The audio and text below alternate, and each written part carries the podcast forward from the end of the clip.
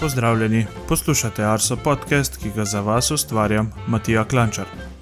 Poslušate zadnjo izmed oddaj, kjer sem gostil ekipe, ki so bile nagrajene na lanskoletnem hekatonu odprtih podatkov z naslovom Življenje s podnebnimi spremembami. Tam smo kot vsebinski partner sodelovali tudi mi na Agenciji Republike Slovenije za okolje. Tokrat je z mano ekipa Horizon 4. Na koncu Vito Švagl v študentskem kotičku predstavi svojo magistrsko nalogo z področja meteorologije.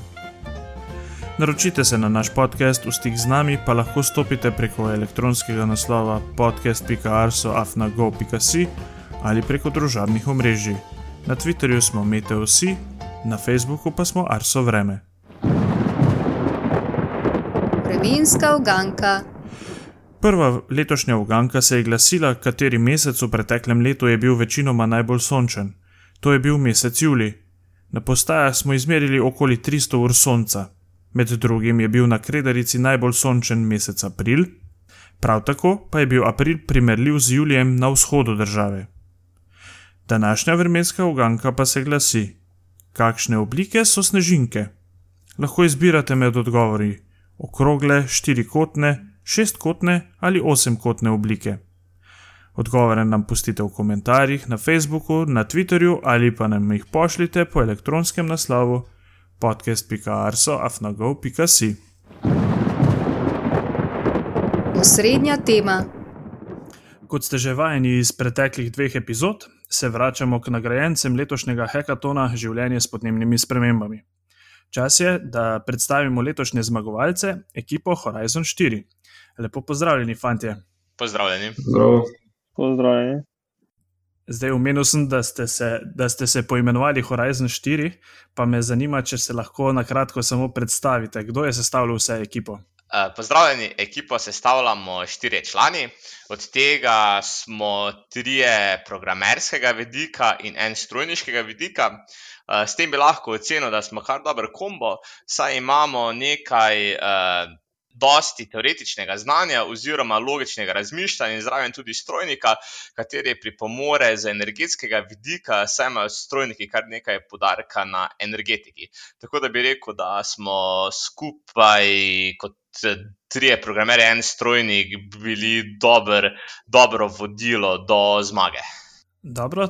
Torej, ti si Matic, koga še imamo potem danes zraven na pogovoru? Potem zraven na pogovoru še je Marko, Marko in Jani smo sošolci iz fakultete za računalništvo in informatiko, jer ne je pa iz strojne fakultete, torej strojništvo. Super. Uh, ste že večkrat sodelovali na hekatonu ali je bila to slučajno pač prvi nastop in tako je zmaga? Uh, mi, z Markom in Janjem smo že bili predtem na enem hekatonu Iskratela v Kranju, kjer smo, tako, kjer smo tudi tam dosegli kar dobre rezultate oziroma zmago. Uh, Jrnej se nam je pa pridružil, zato ker smo potrebovali še enega člana, smo videli, da je fajn, da smo štirje, ker je bil relativno zahteven izziv in vsaka glava, tako rekoč, pripomore k zmagi, saj vsaka misel, vsaka ideja šteje, tako rekoč, sploh na hekatonu, kjer rabiš širino in na koncu užino, da izpiliš svojo rešitev. Eh, kaj vas pa sploh pritegne k sodelovanju na takšnih uh, hekatonih? Uh, tukaj je predvsem uh, ideja za boljši jutri, ker vemo, da tako rekoč podnebne spremembe vplivajo ne samo na meni in moje prijatelje, ampak tako rekoč na vse, ki so v, na tem svetu in tudi na če, če pogledamo reč daleč, pogledamo tudi na naše otroke, naše vnuke, ne, če ne bomo, ne bomo mi naredili sprememb, ne vem, kdo jih bo. Ne. Tako da tukaj je bila ta ideja, tudi želja po določenih izzivah, če smo mi. Tako dobri, da je bo naša ideja dovolj dobra, da mi štirje posamezniki naredimo res tisti vtis, tako rekoč tudi na mentore, na gledalce, da naša ideja naredi vtis, tako rekoč na spodnebne spremembe. Uh, moram reči, drugač, da tudi uh, sodelavci, ki bodo poslušali tale pogovor, se bodo zelo, zelo strinjali s tabo uh, in bo odgovor, tvoj odgovor, ta zadnji, ki si ga podal, zelo všeč. Uh, mislim, drugač, da vedno več uh, ljudi se zaveda tega, teh posledic podnebnih sprememb in, in v bistvu problemov, ki jih podnebne spremembe nosijo s sabo.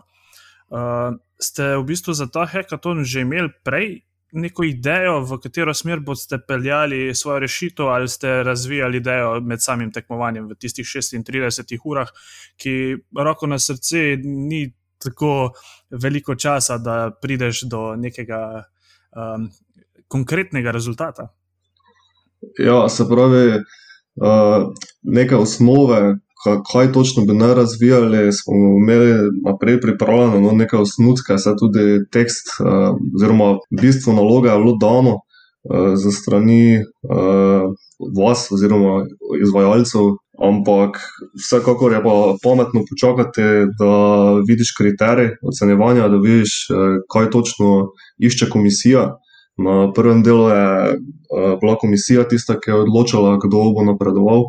In v teh 36 urah smo potem veliko glavnino te naše ideje razvili. Ja. Ste med samim tekmovanjem naleteli na kakšne probleme? Uh, največji problem tega hackathona, oziroma uh, izvajanja, oziroma cilja tega hackathona je bil, da je bil online. Torej, uh, nismo mogli v živo predstavljati naših idej in zato smo mogli tudi narediti videe. Uh, ker smo pa vsi mislim, vsi, vsi člani ekipe, noben ima še izkušenj z, z izdelovanjem videov, pa smo se tako rekoč tekom celega hackathona naučili, kako se delati te eh, videe, in pač na koncu smo bili eh, na srečo zadovoljni tudi z našim izdelkom. Eh, potem, kaj druga, druga stvar, ki, nas, ki smo imeli težave, pa so bile. Eh, težave z Microsoftovimi orodji, ki so jih na srečo uh, lahko rešili z, z njihovimi tehničnimi uh, sodelavci. To je bilo predvsem uh, to, da recimo nismo mogli uporabljati njihovega bota ali pa recimo nekaj za učenje umetne inteligence. Drugih večjih težav pa ni bilo, mislim. No. Uh, hvala Bogu, smo tudi lahko bili vsi skupaj, torej uh, mislim, da so takrat bile omejitve glede uh, tistih regij. Eh, in mi smo, hvala Bogu, iz iste regije, tako smo se lahko skupaj družili, kar pa za nekatere ekipe mislim, da ni bilo mogoče, zato so mogli sodelovati in se pogovarjati v ekipi med seboj online. Um, ja, dosti zanimivih problemov smo v bistvu tudi uh, sami na agenciji se takrat tisti vikend uh, soočili z njimi. No? Um, kakšen je bil pa vaš končni produkt, kaj ste skupaj sestavili in s čim ste preprič prepričali komisijo? Za naš končni produkt je bilo ključno interaktivne reklame, saj smo si vpraša, postavili vprašanje, s čim bomo dosegli čim širšo, uh, čim širšo ciljno publiko. Zavedali smo se, da z igrami dosežemo samo mlade, ampak za dejansko spremembo uh, v podnebju in pač podnebne spremembe pa bi mogli doseči čim širšo publiko. Tako da smo, se, tako da smo najdli za to reklame, katere nas potem lahko vodijo in katere nam sprva prikažejo, kaj vse uh, se bo zgodilo, če se tako nadaljuje naše vedenje in ne pomagam nič okolju.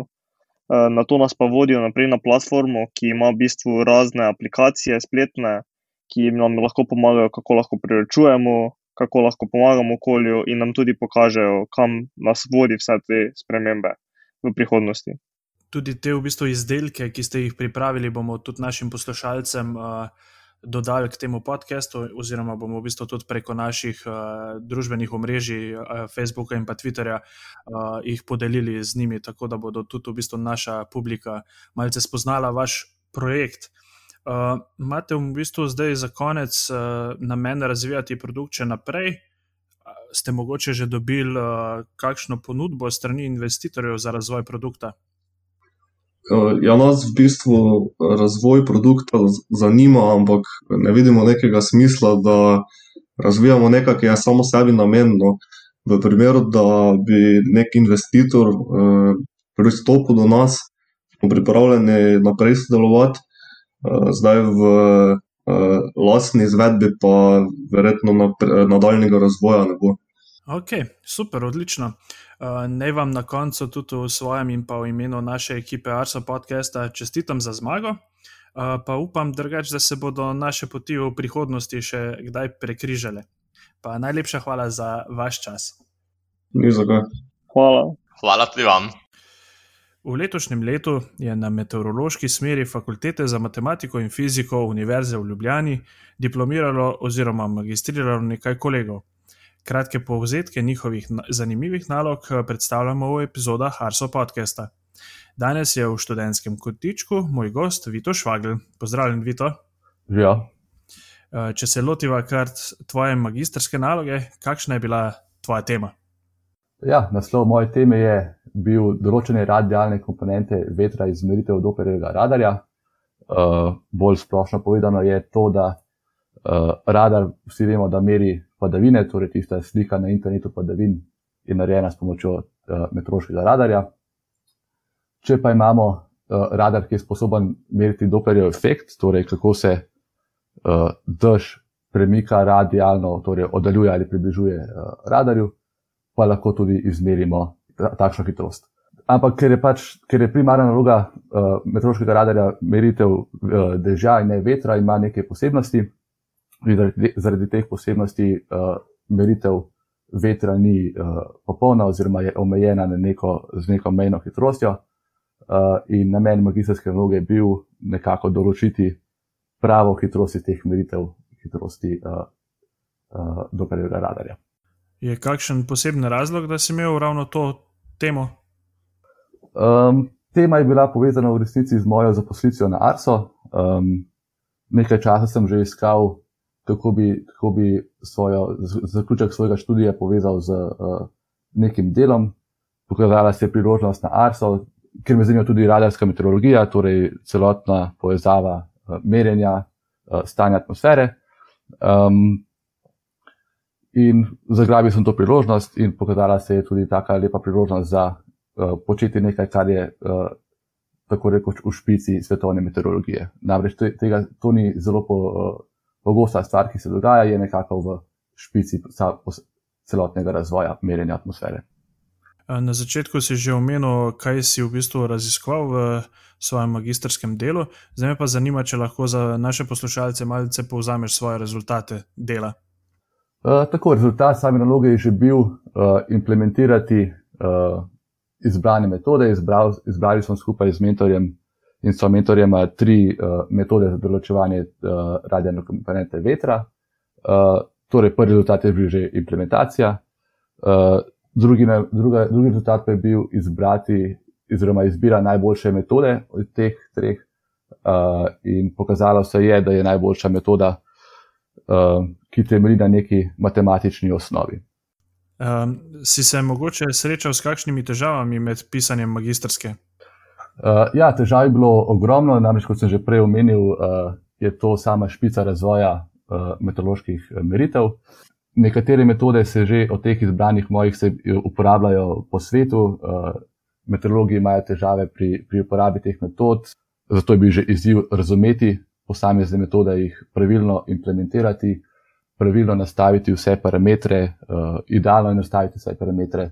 Sodeloval sem tudi z uh, avstrijskimi kolegi, od katerih sem dobil tudi še dodatno tretjo uh, metodo. Z njimi sem sodeloval pri, tako pri razumevanju, uh, pri implementaciji, uh, pri pomoči, česar koli sem pač potreboval. Kljub temu sem imel težave pri razumevanju, sodeloval sem z, z, mentorjem, z mentorji, in so mentori, ki uh, smo skupaj skušali razumeti metode, skupaj reševali probleme, ki, so, ki sem jih imel, na, na, uh, ki sem jih uh, dobil. Tako da, ja, preteklo je veliko časa, ogromno problemov, um, na koncu koncev smo pa prišli do nekih uh, smiselnih rezultatov. Sem ravno hotel zaključiti, v bistvu, da na koncu si več kot uspešno zagovoril magistrsko delo, tako da mislim, da se je vse skupaj dobro izteklo. Uh, Eh, mogoče za zaključek, uh, boš nadaljeval še z raziskovanjem na tem področju, ali si zaključil to poglavje in se lotevaš česa novega? Uh, ja, v resnici s samim raziskovanjem na tem področju uh, bom nadaljeval, kajti uh, namen rezultatov te magistrske naloge je, da se te metode uporabijo v uh, operativne namene v modelu Aladin, torej da se na ta način izboljša uh, napoved modela. Kajti, seveda, če imamo dobre hodne podatke v modelu, tudi napoved model, modela uh, boljša. V prihodnosti moram še malce izboljšati, prilagoditi metode za, za operativno uporabo in na to še raziskovati, ali ima to res dober vpliv uh, na model ali ne. Vito, najlepša hvala za tvoj čas, za pogovor in pa najti na tem mestu uh, v svojem in pa imenu celotne ekipe Arso podcasta čestitam za uspešno upravljen magistrski študij meteorologije. Hvala. Obeti. Tokrat nam bo vremensko napoved zaupala Veronika Hladnik Zakotnik. Po daljšem obdobju precej sončnega in suhega vremena je čas za vremensko spremembo. Najverjetneje pri nas je že v torek začel vplivati obsežen ciklon, ki se poglablja nad severno-zahodno in delom srednje Evrope. Poblačilo se najprej na notranskem in primorskem, zapihal jugozahodni veter. Proti jutru so v zahodnji polovici države že nastale rahle padavine, zaradi mrzlih tav je ponekod nastala tudi poledica. Sreda in četrtek bo ta vremensko podobna, nekaj jasnine bo še na severovzhodu države, drugod pa bo pretežno oblačno vreme. Predvsem v zahodnji polovici države bo občasno rosilo ali rahlo deževalo. Vetrovno bo, pihal bo okrepljen jugozahodni veter. Predvsem na pohorju bodo najviše hitrosti vetra v noči na četrtek in četrtek čez dan lahko presegle celo 100 km/h. V večjem delu države bodo jutrajne temperature nekaj stopinj nad lediščem, čez dan pa se bo na vzhodu pogrelo tudi do 13 stopinj Celzija. Petek se bodo padavine ukrepile in razširile proti vzhodu, meja sneženja bo 900 in 1200 metri nadmorske višine. Po nižinah bo oblačno in deževno tudi v soboto in nedeljo. Meja sneženja se bo predvidoma še nekoliko spustila, a je napoved trenutno še zelo nezanesljiva. Po zadnjih izračunih bi lahko snežilo po nižinah šele proti koncu padavin noči na ponedeljek. Od juga bo po nižinah pobrala v sneg, dosegla pa bo tudi Alpske doline. V drugi polovici tedna bodo zaradi deljenja snega in padavin naraščale tudi nekatere reke, zato priporočamo spremljanje hidroloških napovedi. V prihodnem tednu zaenkrat kaže na bolj suho in spet nekoliko bolj sončno vreme. Jutrajne temperature bodo pod lediščem, najviše dnevne pa okoli 5 stopinj Celzija. Vremenske zanimivosti. V vremenskih zanimivostih se vračamo na pregled 14-dnevnega obdobja med obema podcastoma. Tokrat si bomo ogledali podatke od 4. do 17. januarja. Najvišjo temperaturo smo izmerili na postaji pod Nanos. 14. januarja je bilo 12,7 stopinj Celzija. V preteklem 14-dnevnem obdobju smo po nižinah izmerili nizke temperature. Najniže je šlo na postaji Nova Vas na Blokah, kjer se je živo srebro spustilo do minus 19,8 stopinj Celzija. Podobno hladno je bilo še na postajah Babno polje, Zelenica, Zadlok, Jezersko, Rudno polje in Kredarica. Na vseh omenjenih postajah smo izmerili vsaj minus 17,5 stopinj Celzija. Najhitrejši sunek vetra smo izmerili na postaji Kredarica. 14. januarja je pihalo s hitrostjo 127 km/h. Največ padavin v enem dnevu smo izmerili 7. januarja, ko je na postaji Ratitovec padlo 54 mm padavin. Najbolj sončna postaja v preteklem 14-dnevnem obdobju je bila postaja Vedrijan, ki je zbrala skoraj za 50 ur sonca. Največ sonca v enem dnevu sta zbrali postaji Slavnik in Vedrijan, 8 ur in 27 minut je sonce sijalo na postaji Slavnik 13. januarja, na postaji Vedrijan pa 16. januarja. 53. epizodo smo z vremenskimi zanimivostmi pripeljali do konca. Hvala vam za vse odzive, kritike in poslušanja. Želim vam obilo lepega vremena in se slišimo čez 14 dni.